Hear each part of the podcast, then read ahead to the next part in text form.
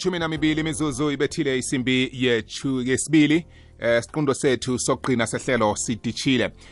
Eh enyangeni ezidlulileko ngifumene i-email eh ngithunyelwa ngunkosnadi ujob wakwasibanyoni.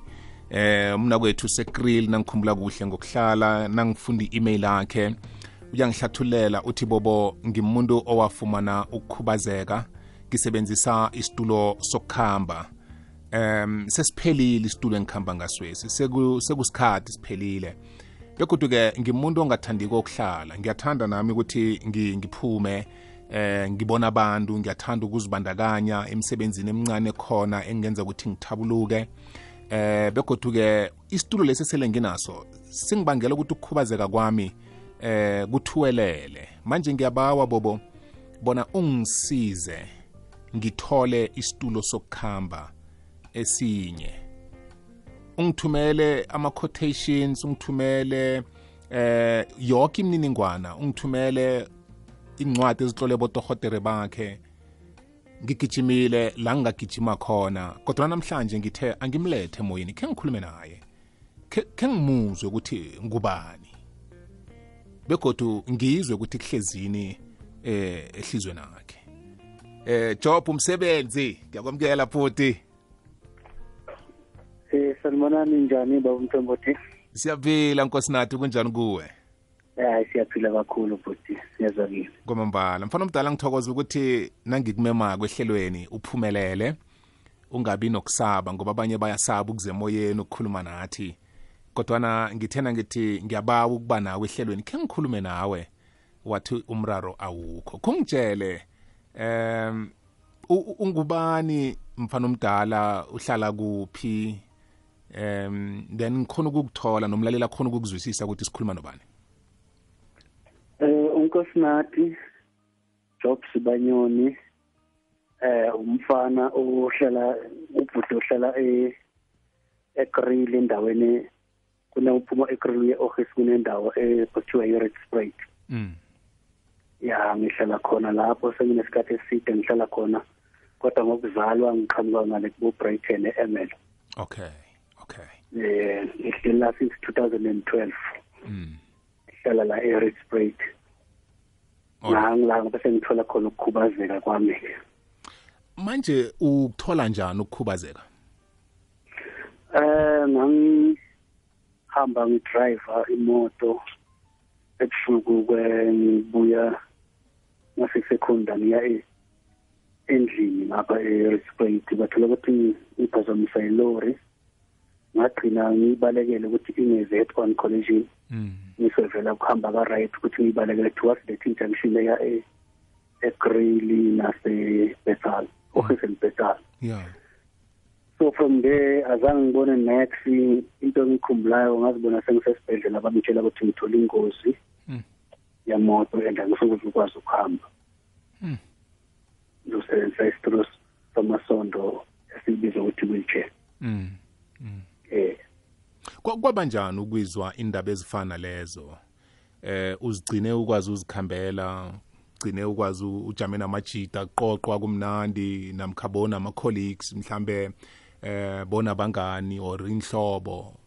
Eh ngesikhatshana esincane nje impilo seyichugulukile awusesengulo yankosinato bewuzazi sekufanele manje uphile ngendlela ehlukileko kuneyaphambilini Kwa- kwaba njani na uzwa indaba ezifana lezo? ish kwaba buhlungu kakhulu kangangokuthi eh nokuthi ngikumukele lokho kwangithatha isikhathi eside eh ukuzwa ukuthi angisuphinde ngihambe ngizosebenzisa i-wheelchair ngoba bathi ngi-permanent disabled ngoba ngilimele i-spinal cord. Mm. azange kube mnandi kakhulu bobo nabantu abaningi bona baqhela kimi basuka duzane nami eh kwa- kwangibiza ukuthi ufanele ngizimele ke manje. Yeah. Kodwa ngibonga uNkulunkulu ukuthi ifamily yami ayizange ikhona ukungibalekele ile support kimi. Mm. Namhlanje nje. Yeah. Yeah. Eh. Yeah. Se- sekusikhathi esingangani lingozi wayithola? Uyithole ngawuphi unyaka?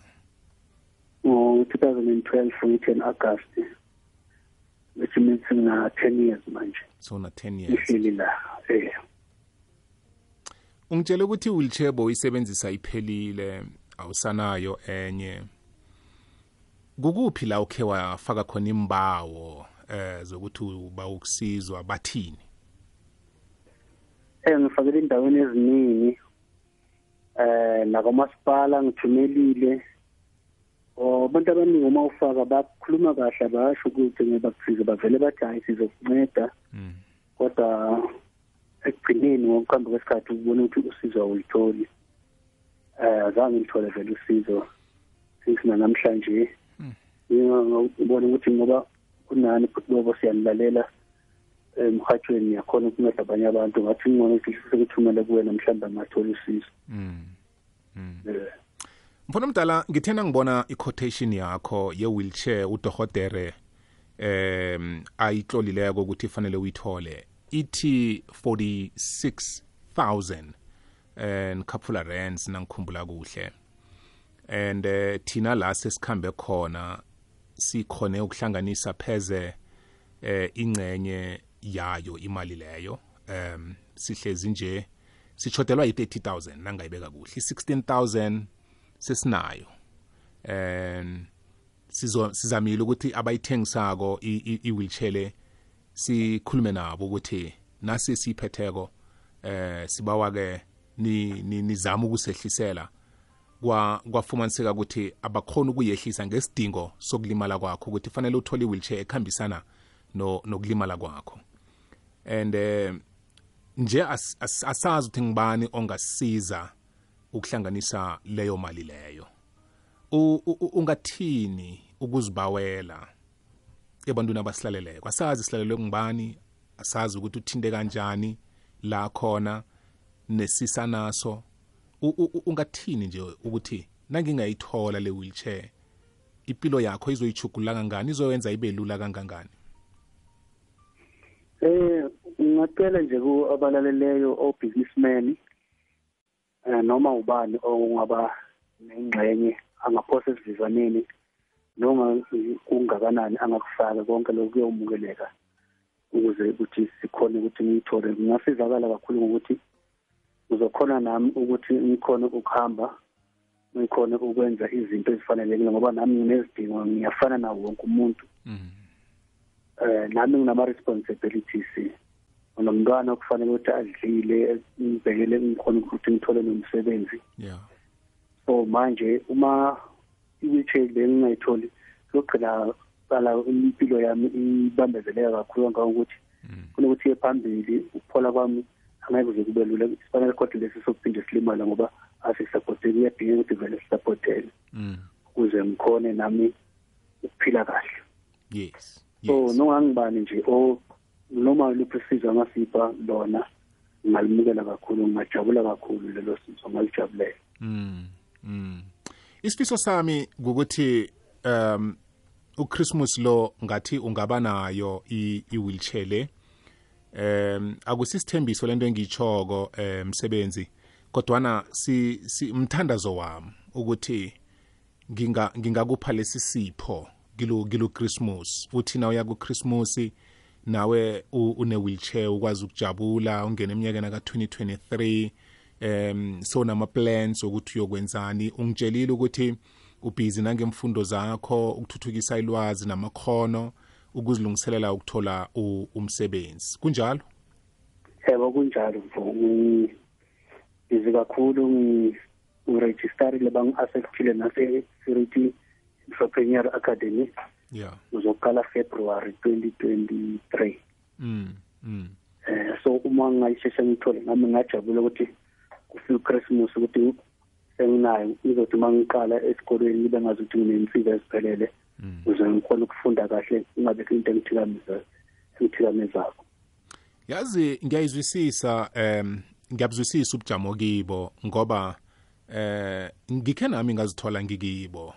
Nanyana mina ngakhona ukuthola ithuba lokuthi ngikhona ukusikima eh ngalimala ispinal cord nami. And eh ukuhlala ku wheelchair engasimnandi engakhambi kuhle nakho lokho kukodwa kuyakulimaza kakhulu manje kusifiso sami ukuthi mlaleli eh umna kwethu lo simsize. Simsize ngendlela esingakhona ukumsiza ngayo. Eh sekuzibawela nje. Ngale kwalokho kuyelelisa godu ukuthi akungabi nomuntu oza kuthumela umlayezo athi eh ngingubobo wekwekwezi o ngingunkosinathi sibanyoni ngibawa ningidonatele no. Nawune sisesihle sokuthi usize sine email ethi info at ikwekwezi fm uthumele lapho bese ke abalingani bam eh abakhona ofisini bazokuthinda bakhulume nawe ngendlela efaneleko begodwa uyatsho ukuthi eh ungasiza bunjani ngamalini eh ukwenzela bona ke sikwazi ukutholela unkosinathi i-wheelchair ayi ayithlogako mfana omdala amagama akho wokugqina ngokukhubazeka nabantu nje emphakathini abanye abakhubazekileko ipatho eh ichecho ngikuzwile uthi ngemva kokulimala abanye abantu obowuphila nabo bazibuyisele emuva sobona basekho abasezi bazokuvakatshela abasakhambi nawe endaweni ebenithanda ukukhamba kizo nizikhuphe nibethwe moya. Impilo nje itshentshile ungathini ngempilo yomuntu okhubazekileko eSouth Africa?